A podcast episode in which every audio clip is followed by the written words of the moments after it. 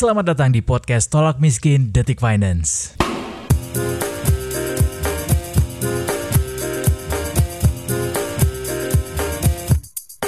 Detikers, selamat datang kembali di podcast Tolak Miskin di episode ke-6 di season kedua.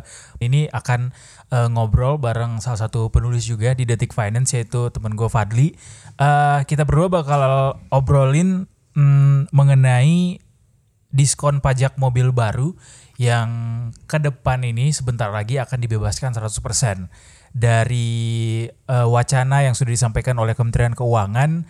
Uh, aturan ini sebentar lagi akan diterbitkan mudah-mudahan sih di bulan Maret katanya. Juklaknya atau petunjuk pelaksanaannya juga sebentar lagi akan juga diterbitkan.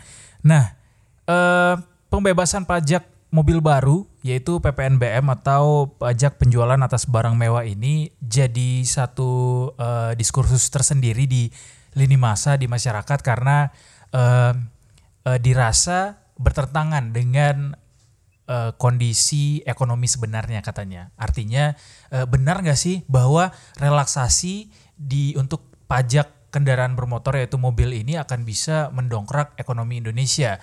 Kalaupun bisa, seberapa efektif dan juga apakah bisa meraup untung lebih banyak atau justru malah kita dapat ruginya yang lebih banyak?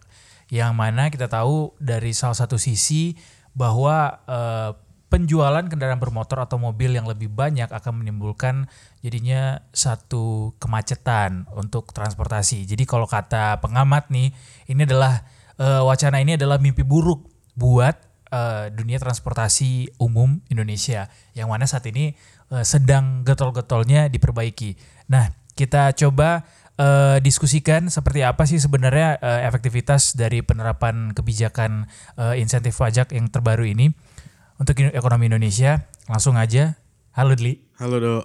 Lo kan tahu bahwa uh, pemerintah uh, baru-baru ini uh, meluncurkan uh, suatu relaksasi hmm. baru, yeah. yaitu tentang kelonggaran pajak penjualan atas barang mewah atau PPNBM untuk kendaraan bermotor.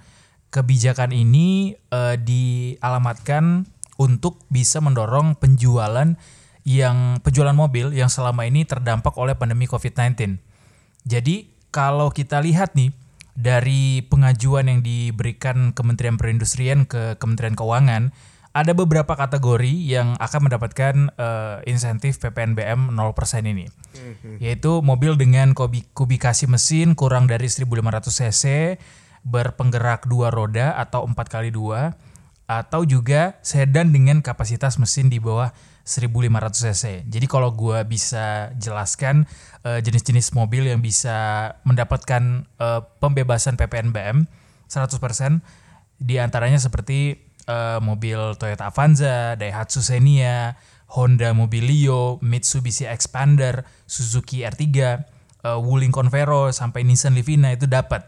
Juga ada juga yang untuk kategori low sport utility vehicle seperti Daihatsu Terios, Toyota Rush, Mitsubishi Expander Cross, Honda BRV, Suzuki XL7 sampai dengan sedan sekelas Toyota Vios. Oke. Jadi kalau dilihat dari mobil-mobil ini kita bisa tahu bahwa uh, masyarakat atau uh, kelas yang disasar pemerintah untuk bisa beli mobil dengan uh, uh, label bebas PPNBM 100% ini adalah kelas menengah lah istilahnya. Iya, menengah iya. atas atau menengah bawah ya? Kalau mobil-mobil kayak gini. Menengah menengah tengah sih kayaknya dong. menengah tengah itu gimana? Karena kalau dilihat dari Avanza, Daihatsu, ah. Seni, Daihatsu Xenia, Mobilio itu mungkin ya ya kelas-kelas menengah lah nggak menengah atas nggak menengah bawah juga sedangkan kalau Terios, Rush, Expander Cross, BRV itu mungkin menengah atas mungkin ya. Iya iya iya. Ya, ya, jadi ya. ya ya menengah tengah menengah atas lah ya. Yang menengah berkecukupan dan ada lebih-lebih sedikit uh, lah ya. Uh, Pokoknya yang memang mampu untuk beli mobil hmm. dengan standar harga sekian gitu. Kayak dua ratusan ke atas ini harga mobil. Iya, dua ratusan juta ke atas. Nah, lumayan nih Dli, harga diskon dari PPNBM yang dibebaskan ini kalau mereka dapat itu rata-rata sekitar 20 jutaan yeah. diskonnya. Menurut hmm. lo kalau lo dikasih uh, misalnya nih sama dealer diskon diskon mobil, diskon beli mobil bebas 25 juta gitu. Lo tertarik gak? Ya kalau gue punya tuh kalau gue punya duitnya sih tertarik dok. Kalau gue nggak punya duitnya, ya walaupun sih. tertarik ya, juga okay, tetap nggak bisa beli. Adalah uh, orang yang cukup untuk beli hmm, mobil gitu. Hmm. Lo tertarik pasti ya kalau ada iming-iming diskon kayak gitu. Ya, uh, iya sih kalau jelas kalau gitu. Sebenarnya kan kalau mobil ini kan bukan komoditas yang murah ya, jadi nggak yeah. walaupun ada diskon gede, nggak semua orang bisa tetap beli gitu. Namanya aja udah barang mewah. Uh, uh, namanya aja barang mewah. Jadi memang, uh, ya memang diskonnya emang bener-bener orang yang pengen beli mobil emang atau orang yang sudah mengincar pengen beli mobil gitu dan sudah menabung mungkin ya. Atau bahkan orang yang memang punya duit banyak bisa langsung beli mobil kepengen ada diskon murah langsung beli gitu. Tapi kalau orang yang emang dasarnya uh, belum mampu beli mobil ya nggak mungkin tertarik juga sih gitu. Oke. Okay. agak dipaksain malah kalau okay. walaupun ada diskon diskon seperti ini. Oke okay, gitu jadi sih gue lihatnya berarti pemerintah ngasih ini supaya orang-orang yang punya duit ini mau ngeluarin duitnya buat beli mobil istilahnya lo bantu deh industri mobil yang saat ini sedang uh, apa namanya sedang sakit begitu. Hmm, hmm, hmm. Jadi lo bantu ngeluarin duitnya gitu karena kita udah kasih nih relaksasinya gitu ya. Iya sih, menurut gue sih juga kayak gitu sih dok. Soalnya kan uh, uh, ketua gabungan industri kendaraan bermotor Indonesia atau Gaikindo kan juga bilang nih, hmm. uh, Yongki Sugiarto tuh bilang kalau sebelum pandemi itu penjualan mobil tuh dalam kondisi normal tuh 85 ribu sampai 90 ribu unit per bulan. Hmm. Nah, terus uh, ada pandemi nih, hmm. penjualan turun jadi sekitar 50 ribuan unit per bulan. Jadi hampir 50% lah turunnya. Yeah. Nah, dengan adanya diskon pajak mobil ini, itu tuh diperkirakan penjualan mobil bisa naik jadi 60 sampai 70 ribu unit atau 40% lah. Emang naik cuman walaupun itu nggak sampai eh, masih di bawah dari kondisi normal sebelum pandemi. Hmm, hmm. Tapi tetap aja bisa mendongkrak penjualan mobil dan ujung-ujungnya kan uh, pemasukan ke pemerintah juga bisa ikut naik juga gitu loh. Iya ya. Uh, karena memang kalau kita telisik uh, industri kendaraan bermotor ini atau mobil ini memang turunannya lumayan banyak sih mulai dari suku cadangnya, mm-hmm. oli apa segala macam.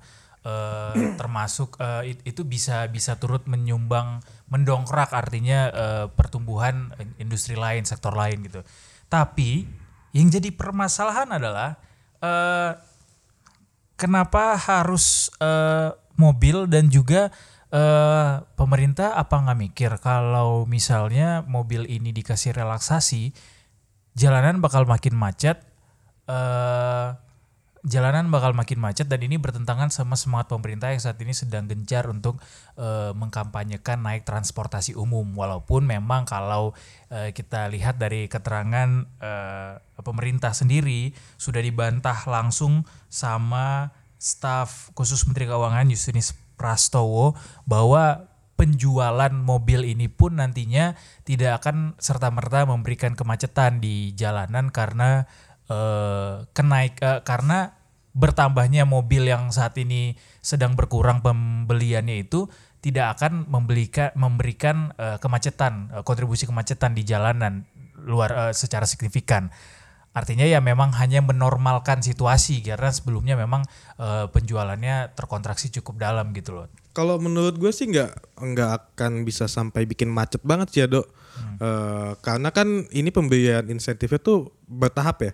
Per tiga bulan sekali mulai dari bulan Maret. Jadi tuh ada skemanya tuh totalnya tuh dikasih 9 bulan uh, bertahap jadi tiga bulan tiga bulan tiga bulan. Nah hmm. untuk tiga bulan pertama ini atau tahap pertama itu akan diberikan insentif PPNBM itu 100% dari tarif atau PPNBM 0%.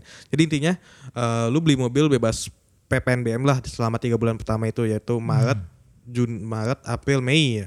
Okay. Nah, uh, bulan selanjut bulan ketiga bulan selanjutnya yaitu tahap kedua itu PNB PPNBM-nya itu dikurangi jadi 25% dari tarif. Nah, selanjut lagi sampai tiga bulan selanjutnya itu dikurangi lagi jadi, 50 persen, oh, habis itu baru 25 ya. Iya. Ya, jadi 150 25. Nah. Oke, berarti kalau misalnya ada yang dikurangi dari penerimaan negara, sumber penerimaan negara, penerimaan negaranya hilang dong. Kalau gue baca di sini, potensi eh, pendapatan itu bisa hilang sampai 2 triliun. Kalau gue baca juga komentar-komentar dari netizen, eh, ini sama aja dengan pemerintah atau negara kasih subsidi buat orang kaya 2 triliun. Enak banget gitu. Iyalah. Menurut lo?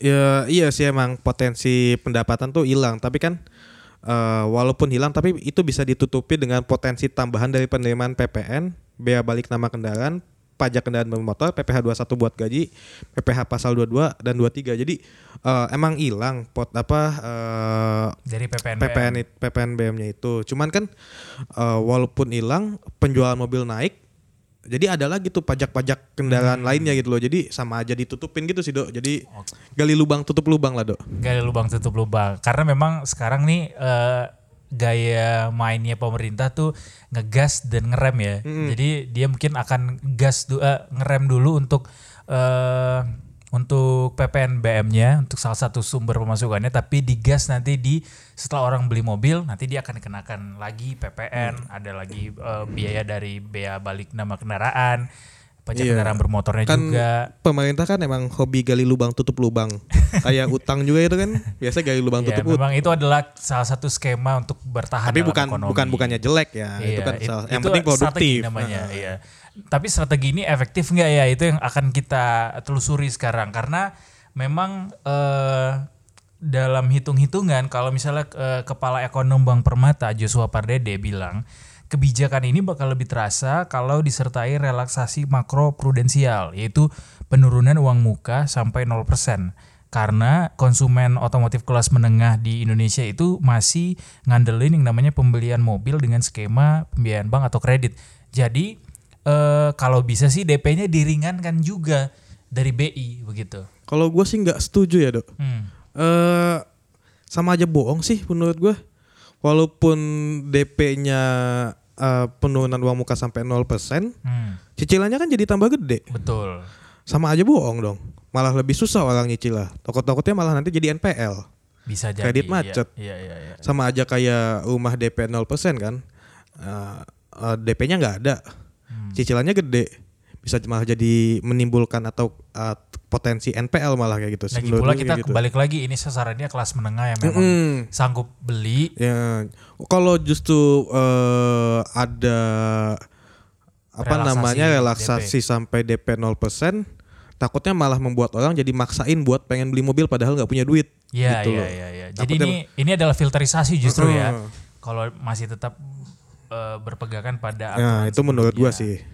Hmm, oke okay, oke okay, oke okay, oke. Tapi uh, memang sih kalau kita lihat kan uh, aturan ini cuma berlangsung selama 9 bulan. Artinya uh, dan juga dilakukan secara progresif uh, menurun gitu, bertahap dari 150 25. Nah, Uh, tapi ini juga ditentang sebenarnya sama pengamat transportasi dari masyarakat transportasi Indonesia Pak Joko Setio Setiowarno yang bilang bahwa memang ini bertolak belakang sama Kementerian Perhubungan sebenarnya. Oh iya betul. Yang mendorong masyarakat buat menggunakan transportasi, transportasi umum. umum.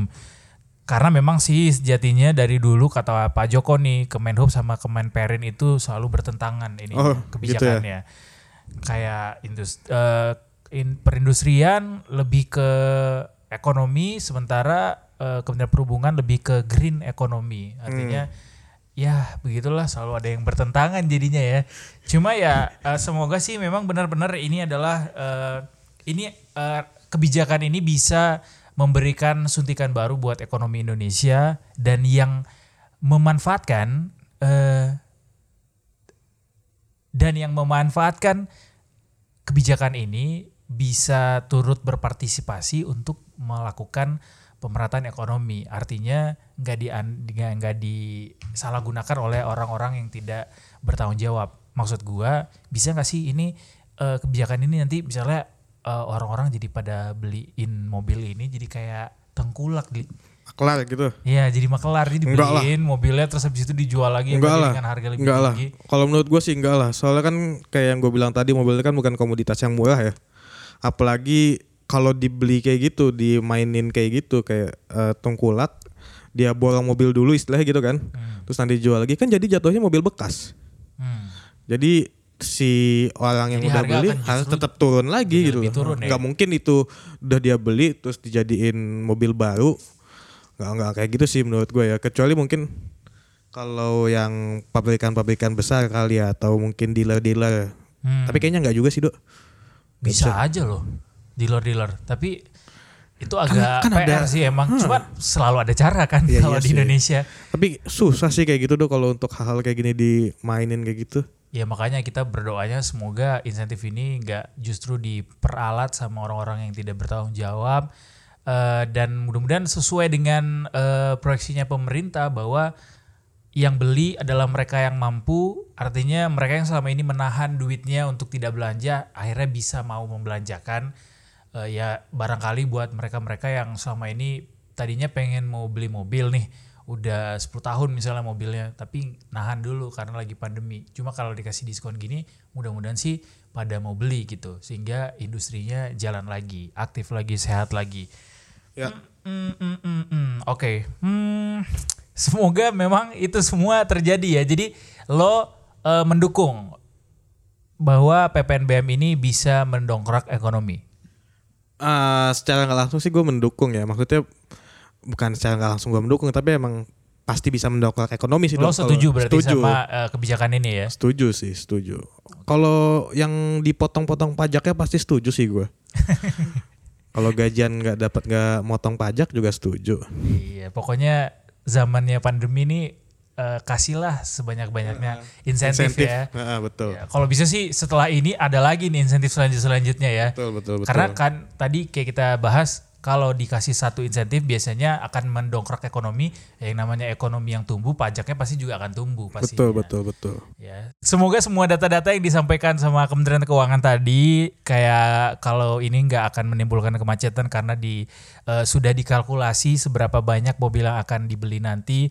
Uh, semoga dan juga uh, apa namanya uh, gerakan pemerintah untuk me mengajak masyarakat untuk naik transportasi umum dan membangun uh, ekosistem ekonomi yang lebih hijau di Indonesia itu uh, semakin terwujud ke depannya. Amin.